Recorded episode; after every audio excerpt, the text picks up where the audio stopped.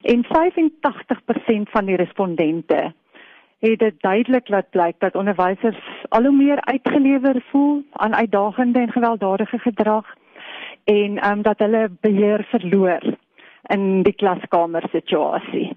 70% het aangedui dat hulle hoofsaaklik verbaal getuister word, maar 10% van hulle het gesê dat hulle al fisies aangerand is en so 25% het aangedui dat hulle eiendom of hulle besittings al deur leerders beskadig is. So ja, daar's definitief 'n probleem. Ook voel hulle dat hulle die gedragskodes by die skole nie die probleem binne die klaskamer aanspreek nie. 58% van hulle voel dat dit nie van toepassing is op wat binne in die klas met hulle gebeur nie. Leerlinge wat geen dissipline het nie en gewelddadig is nou teenoor onderwysers en hulle ook boelie, hoe beïnvloed die tipe gedrag dan die onderwyser se welstand en ook hom of haar werk? Weet jy, in my navorsing het ek afgekom op 'n sindroom genaamd the battered educator syndrome. Wat hier gebeur is presies dit waarvan jy praat. Onderwysers het aangedui dat hulle fisies en emosioneel en psigies afgetakel word.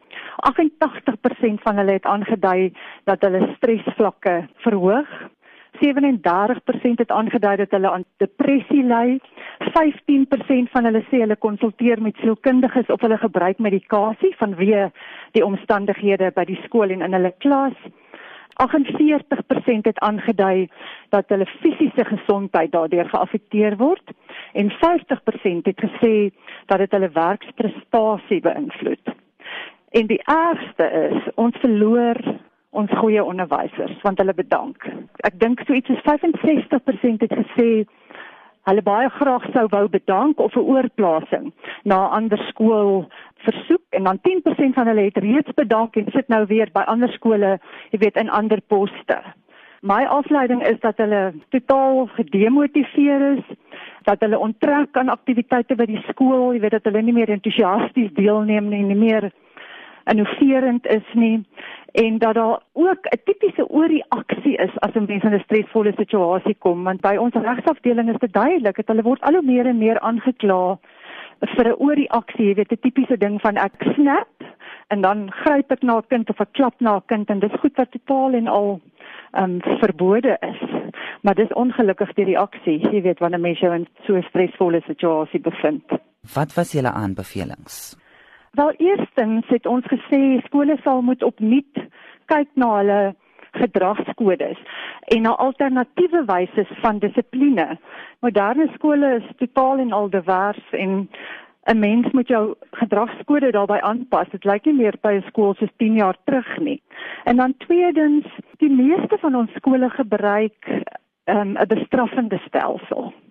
En dis nou maar die tipiese goed soos waar mens demeriete punte gee vir probleme of kinders se detensie op Vrydae of leerders word uit skole geskort.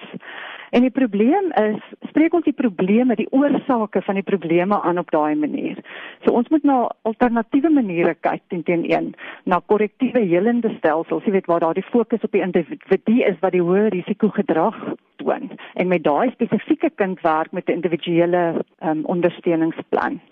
Ons lede het aangedui net 25% van hulle het al opleiding ontvang in die hantering van uitdagende of gewelddadige gedrag of alternatiewe hantering.